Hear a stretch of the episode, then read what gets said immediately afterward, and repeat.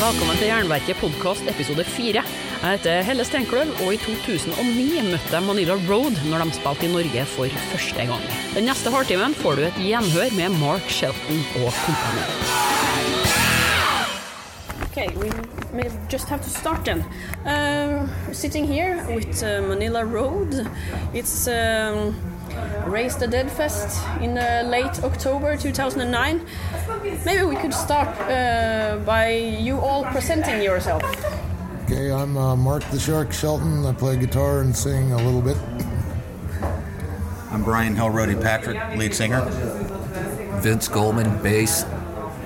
Corey Christner and drums. And that was the whole band. You were. Yep. Yeah, uh, Manilla Road has uh, been in the game since 1977, when you were a high school uh, high school kids. Well, I, actually, I was already out of high school by then.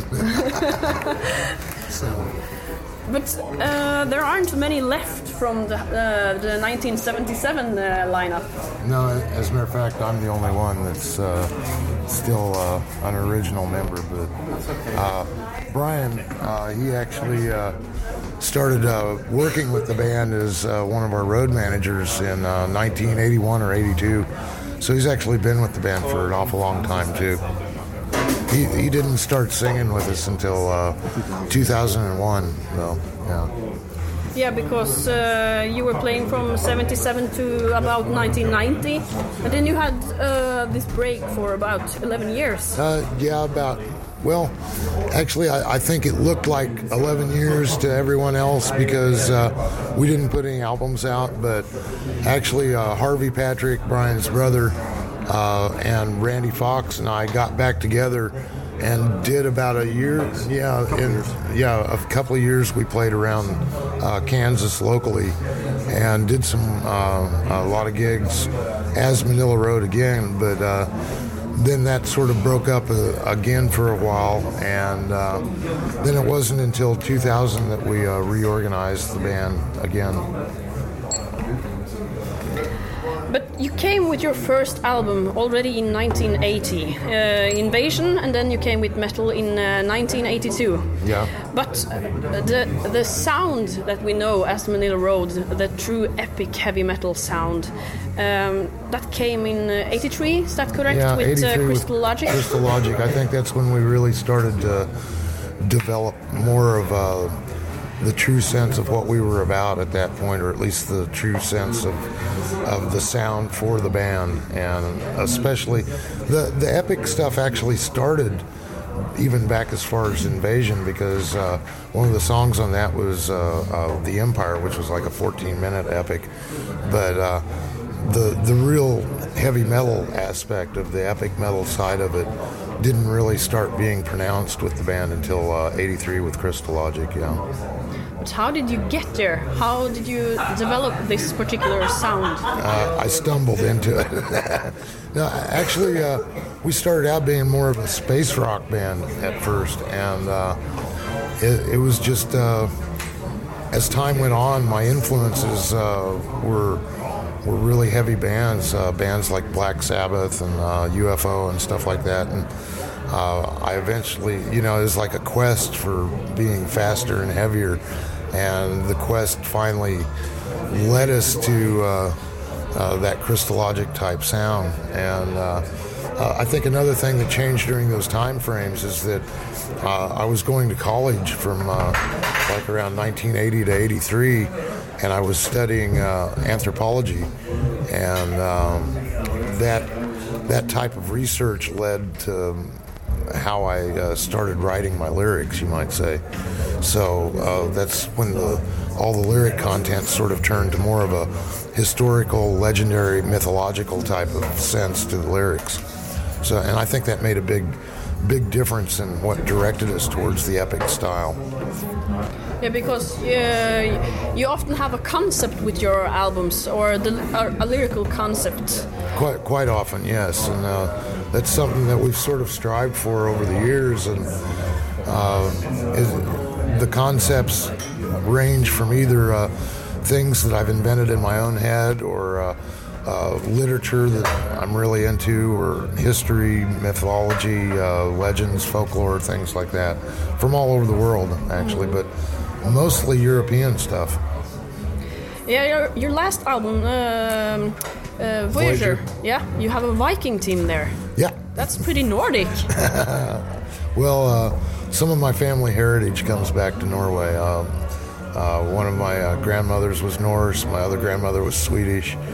So uh, it's sort of a ancestral uh, thing, and I'm uh, uh, I'm just really into the the Norse mythology, and um, it, I don't know. I guess it's in my blood. But you, uh, throughout the years, uh, Manilla Road has come out with uh, quite a lot of albums. Uh, uh, and, but what? 16 studio albums, I think. 16, yeah. What is your personal favorite here? I Oh. I really like Crystal Logic, and I think many people do. Well, I, I think that se- I think that seems to be the the general consensus that it's our uh, one of our most classic albums. Uh, personally, uh, I don't know if I'd have to just pick one as a favorite. Boy, it's really hard to pick just one, but I think I'd say Gates of Fire. Why? Well,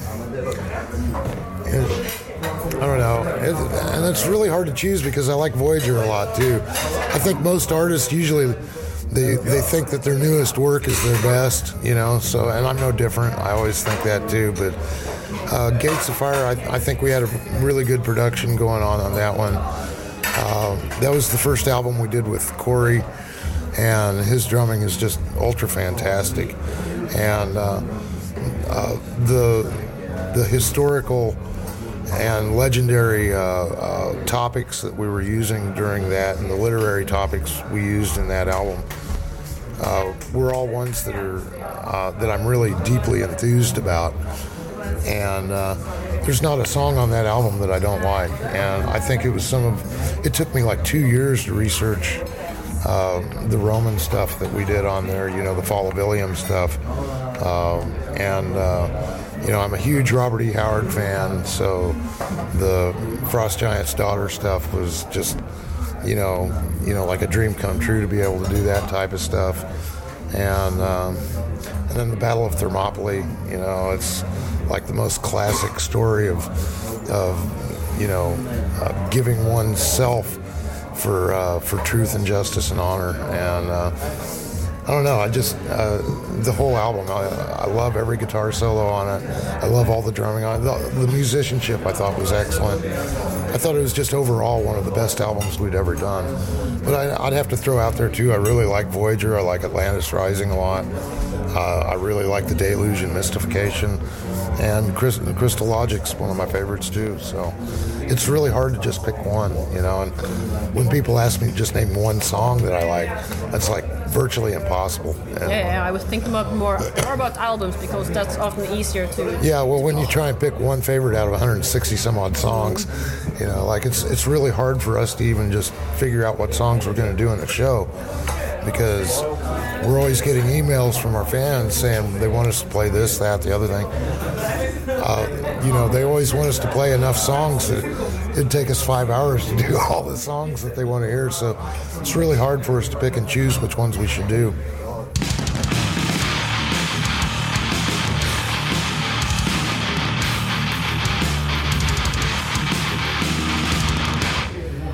Nowadays, um, you're a singer and a guitarist. But I heard you ripped one of your voice cords. Uh, Yeah, one of my vocal cords. Uh, I started having problems with that back in uh, 1984 when we were recording "Open the Gates." Uh, I was really sick when we went in and recorded the album, and uh, there was one day we we couldn't change the booking though because the studio was booked up solid for months to come, and so we had to go in and do it when we had the time booked. And uh, when I sang everything in about, I don't know, eight hours, it was like one whole day that I spent just singing. And I actually injured my vocal cords when I did that. And I have what they call chronic laryngitis. So uh, if I use my voice enough, eventually my voice just disappears for a while.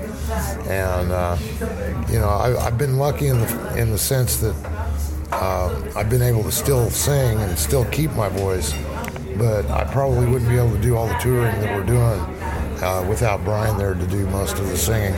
And we're just really lucky that he sounds an awful lot like me. So. Yeah, uh, how, how did you find uh, the new uh, Manilla Road? How do you find the members for uh, the, the, the lineup? eBay. No. okay, I'm, I'm kidding, of course. It wouldn't surprise me. No, yeah, I know. No, uh, I've just been real. I don't know. The the city we come from, Wichita, has just an overabundance of uh, really great musicians, and so it's really never really been that difficult to find really good musicians to play with. Uh, there's a lot of uh, unsung heroes from our community, and uh, uh, I've just I don't know. I guess I've been lucky to to have such a great bunch of guys to choose from. But, yeah, you know, right now I've got the, I've got the best bunch of guys I've ever played with. So, you know, we get along really well. We have fun touring together, and we very rarely argue with each other.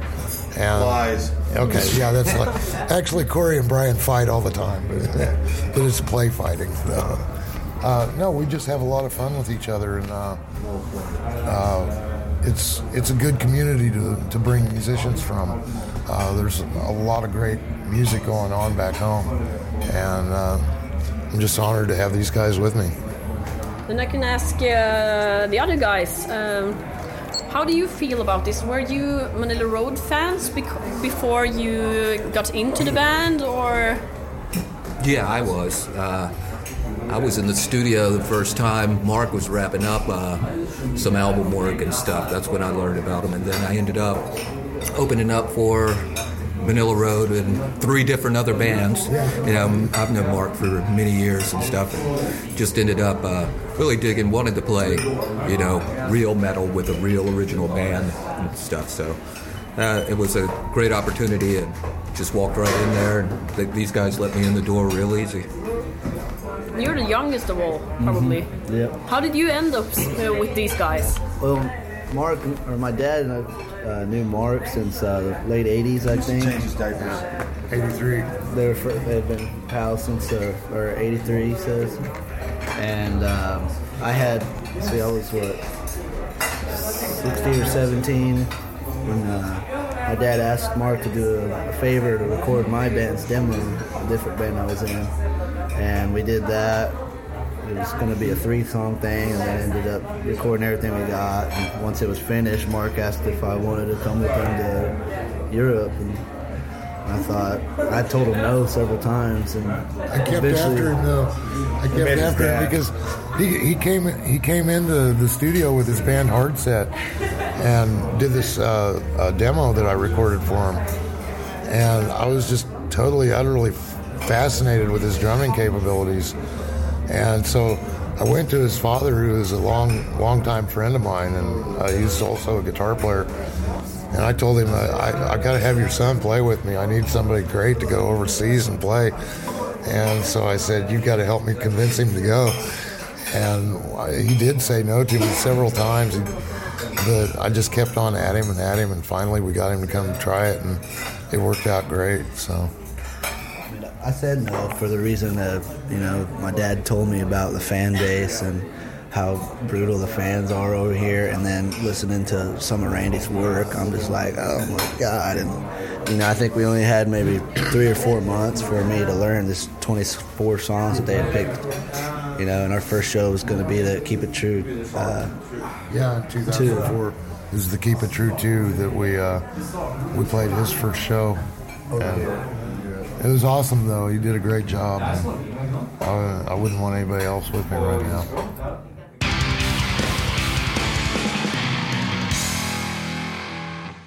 You are uh, a band that has.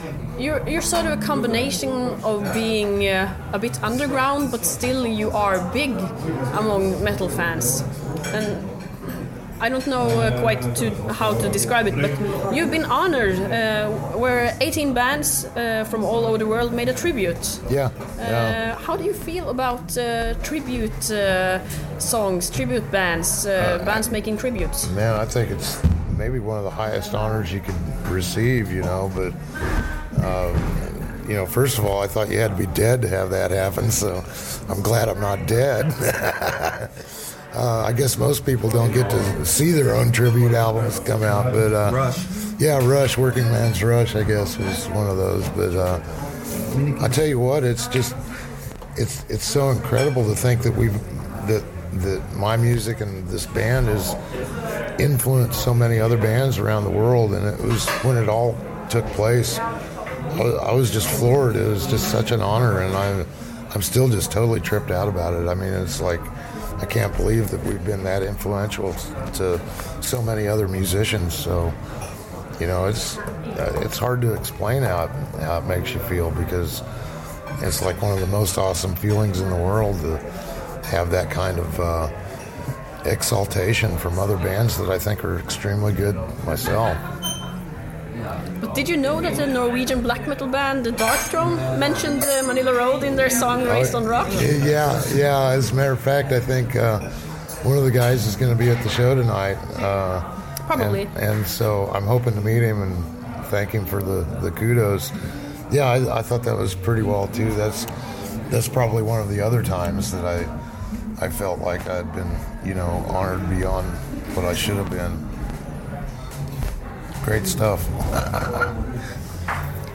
Um, is this your second time in Norway? Or No, no. Actually, this is the first time. The first. time the band's been in Norway. Yeah, and uh, uh, we go to Finland after this, and it'll be the first time we've been there as well. Um, it's, I, I, it's, it's incredible that you know over the last, uh, I'd say, what year or two, we've played in an awful lot of places that we've never been before, and we've been really re- received well everywhere we go, and the people are just fantastic. And Norway's been no different. Everybody's just been really nice, and uh, you know, I can't wait. I can't wait to to play tonight, and I can't wait to come back and do it again. Because this is an old school uh, metal festival, Raise the Dead, with uh, a lot of old school bands. And people I are think t- we I think we fit in that. yeah. But people are talking about the new wave of traditional heavy metal instead of the new wave of British heavy metal, which was 20, 30 years ago. Yeah, I was alive then too. yeah, you, you know both sides. But uh, what do you think is the reason that uh, people search back to uh, the old metal uh, or the true metal? Titles. Titles of what they give us, you know, it's I- well, unbelievable. I, yeah, uh, yeah, it's strange because you know it's always hard for us to put a, a moniker on ourselves. Uh, the term epic metal for us came out of everybody asking us, "Well, what do you play?" And we didn't know what to tell them because we couldn't even tell ourselves what what style it was, and so we just started saying, "Well, it's epic," you know. And of course, we were a heavy metal band, so it turned into epic metal. Um, I, I don't know. I think the reason people are, are looking back towards the old style so much, though, is uh, because it was extremely artistic. Uh, it's it's sort of like with me. I was really highly influenced by uh, bands from the '60s, you know, and, and the '70s, and uh, and then the bands of the '80s were really influenced by bands of the '70s, and it just keeps on going. But uh, I think it was uh, John Luca of uh, Battle Ram that put it really well to me just the other day.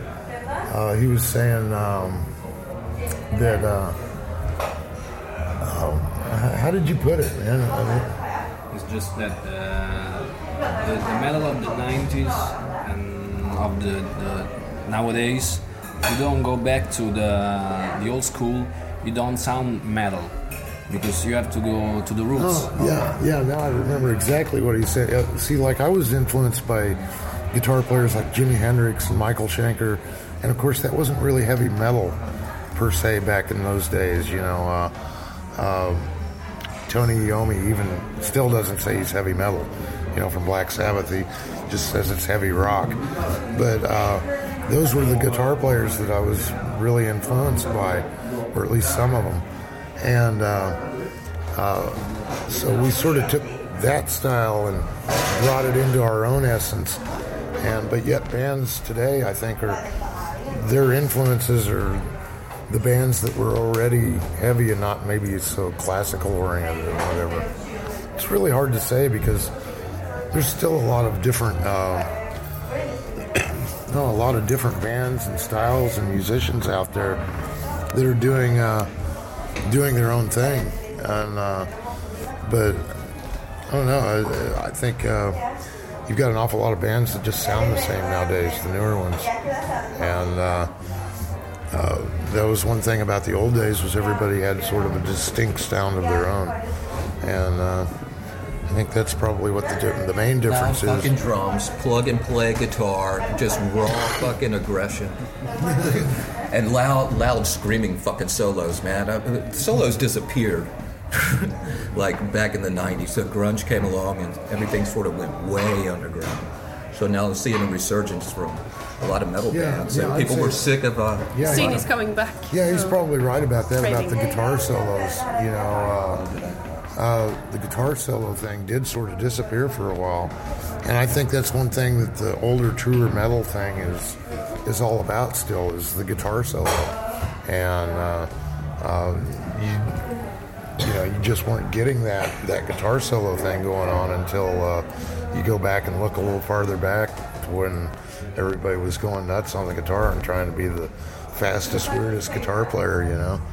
So I think it's a combination of a lot of things, but uh, uh, more than anything, I think it's the search for that lost chord, the search for the sound you know, that's uh, the divine sound, you might say, and uh, I think we're all still looking for it. So. But when it comes to guitar playing, after over 30 years of playing the guitar, are you are you still as eager to rehearse and learn new things? I heard you also play uh, the piano and drums. Yeah, I do. And I play bass, and I love playing acoustic guitar and uh, Skin flute. skin flute. Yeah, I play skin flute.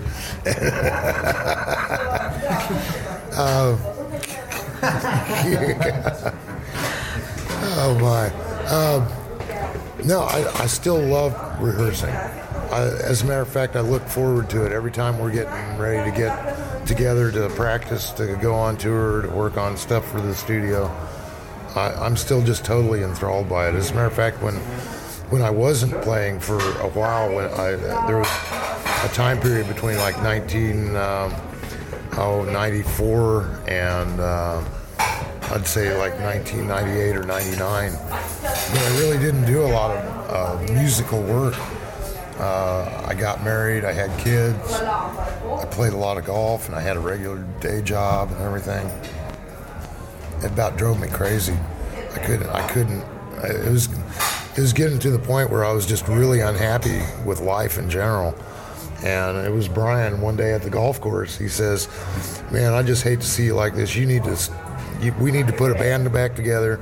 We need to work on a project or something get you out of this dump, and just uh, get you back to being Shark again." And thanks to you, brother, we, you know, that's this is where we are now because of that conversation. So thanks to golf and Brian.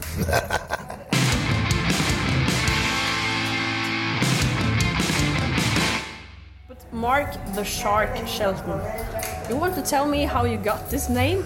Yeah, sure. Uh, I was uh, I was working in the studio with a band called Stygian Shore, recording their first EP, and uh, at the time I didn't really have a nickname, and uh, those guys had a habit of taking uh, the first syllable of your first name and the first syllable of your last name and interchanging them, and so Mark Shelton became Shark Melton, and it just stuck. They started calling me Shark all the time. Next thing I knew, all my friends were calling me Shark, and it just crossed over to where now I'm I'm Shark. I think it actually says that on my birth certificate now. Uh, could you tell me about uh, the dreams of Eschaton? Because you were supposed uh, to record this early in the 80s, but it didn't come out until uh, 2002, and then under another name. Yeah, under Why? the name Mark of the Beast. Uh, well, we had a song called Dreams of Eschaton that we wrote after that, that was on uh, our Crystal Logic album, so we didn't want to, you know, use the same title at that point. The reason we shelved the album was because uh, I just didn't think it was that good at the time. I, I thought we were moving really fast at that point, and we were heading faster and faster towards more of that Crystal Logic sound. and that album just uh, it didn't have what I thought was where we were wanting to go. I mean, it was close, but it wasn't wasn't the whole cigar like I thought it should be. And so we put it on a shelf, and we ended up doing metal. And a couple of the songs on metal were a a little closer to what I was looking for, but it, you know, it really wasn't until we did Crystal Logic that it really all started to come to fruition, and that we started realizing, uh, you know, how we needed to approach the music to be what we wanted to be at that point. So that's how that happened. Oh, and then, well, when it got re-released, I, I was hounded by uh, uh, the guys that owned uh, Monster Records for about ten years, and they'd call me up every six months or so and try and talk me into releasing it. And I'd tell them, no, no, no, it sucks. I don't want it out there. And then they'd call me up another three or four months later, and we'd do the same thing. And finally, ten years later, there was one day he just caught me in the right mood. He called me up. Dennis Bergeron did and he called me up and he said, "Look, you know, I know you're going to tell me no, but I've got to call and ask again." I said, "Okay, whatever. You know, you've you've called me for ten years. Fine. You're persistent. I like that. You can have it. Let's do it." And so that's how it finally ended up coming out. And now I'm actually really glad it's out there because uh, in my old age, I've decided that it's okay to have old stuff out there that maybe doesn't sound quite as professional as it should because uh, it still has the spirit in the music, and that's what's really important. It's not necessarily whether it's produced perfectly or the musicianship is mistake free. It's more important that the feeling uh, is in the music, and it's definitely in the music for that album. So uh, I'm glad it's out there now. I reckon uh, you are writing new mu- music and want to give out more albums. Oh, yeah, as a matter of fact, uh, we've just finished writing all the songs for our next album, and we're uh, working on recording it in the studio right now. As a matter of fact, as soon as we get back from this little mini tour, uh, we're going back to the studio and starting to work on finishing it up. And uh, uh, like I said, all the music's written at this point, uh, but not all the tracks are laid down yet. So we're we're about maybe halfway done with it or something like that, and uh, hope to have uh the new project out by next summer. How do uh, how does the rest of the band contribute uh, to the writing? I know you were writing much of the lyrics and probably riffs. Uh, what uh, do you, the others do? I pretty much just let them go. You know, I, I, I show them what I've got, and then then it's up to them. So yeah, collaborate. He's uh, generous as far as letting us uh, come up with parts and ideas. You know, not straying too far from this or that. But if there's something that that sounds, you know, oh, that sounds great. You know, uh, we'll go with it. I heard we're go- uh, you're going to play a two-hour set tonight. What can we expect from this? We'd have to kill you if we told you. Okay, this will be Yeah, aired yeah, it's a first s- in one week, so you can tell me. Uh, oh, I can tell you. So, oh, well, we don't have to kill her then. Okay. We'll play. We'll probably play a few off Crystal Logic tonight, and um, uh, probably a couple off the new one. Um, one off of Gates of Fire, uh, several off of Open the Gates and the Deluge, and um, Mystification. Mystification. We'll play a few of. So, um, um, you know, there'll, there'll be some crowd pleasers in there. What's your favorite? What do you want to hear tonight? Crystal Logic. You got it. The, the song? The song and uh, generally the album. Oh, just the whole album. I think we're playing four off of that album tonight. Four, so- four, yeah, Yep, four, four maybe five. I don't know. A beautiful. I think that's the Manilla album I've listened the most to, but that's probably uh, also because it was the first one I was introduced to. And I must admit that the first time I heard it, I didn't like your voice. It grew on me. But I don't. I still don't like it. Yeah, No. I, I still don't like my voice either. So. it's a love and hate thing. Yeah, I think I, my voice has always been one that had to grow on people, and I, as a matter of fact, our music's sort of like that too. I think at times uh, because it's it's different. You know, it's not what it's not typical of the of the genre at all. So uh, it's, it's one of those things where you, you either love it or you hate it. And I guess we've been lucky that a bunch of people have decided they love it. So, I think we're uh, approaching uh, the end, soon half an hour. the time's flying. Um, at last, uh, I will just ask you um, have, have you any. Do you know of any of the bands, other bands that are playing at this festival?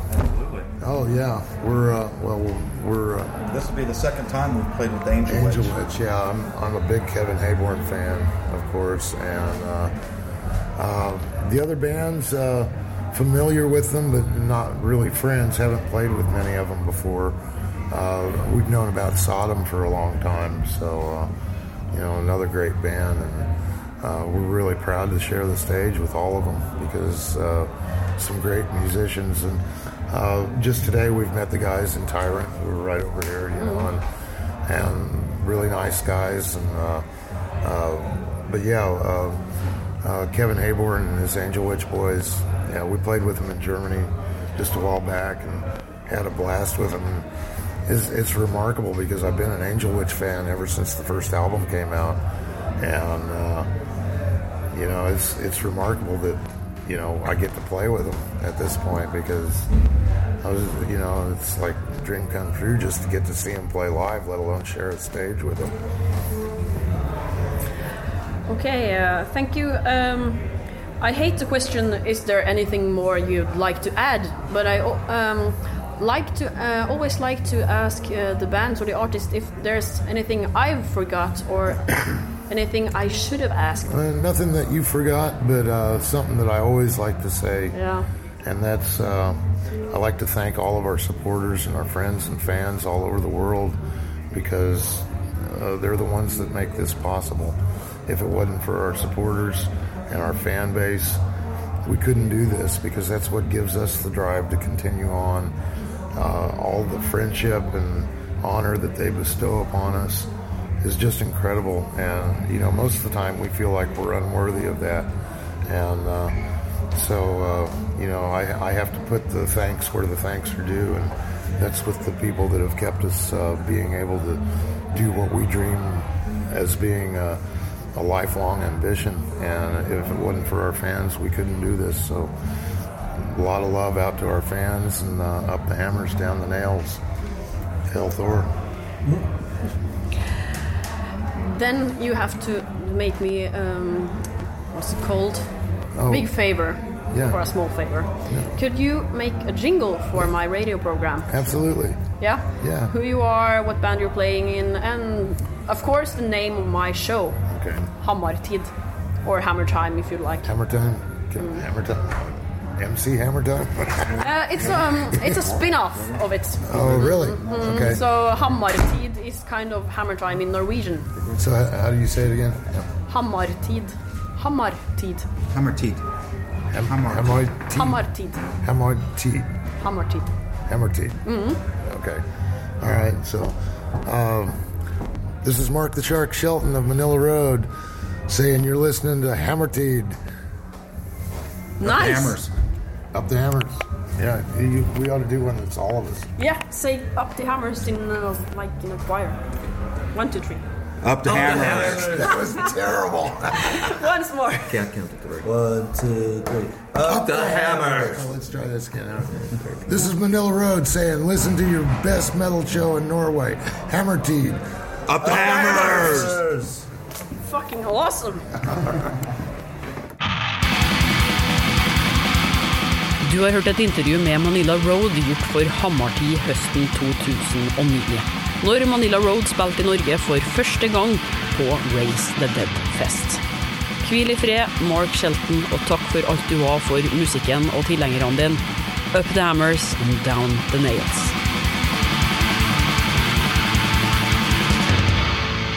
I Jernverket podkast episode fem møter vi Nekromanteon anno 2013. lite postervennlig plate og som har slått gjennom hardt. Det er blitt ei poserplate, rett og slett. Her, det er det som er litt ekkelt. Hva skal det bety? Den lekte Jeg prøver bare å sette Episoden legger allerede ut, så du kan laste ned til podkastleverandøren din eller på jernverket.kom. Mitt navn er Helle Steinkløv, og Jernverket podkast gir deg et nytt eller gammelt hardrockintervju hver fredag. Følg Jernverket på Facebook, Instagram og jernverket.com. Gi full pott og hør på Heavy. Vi snakkes.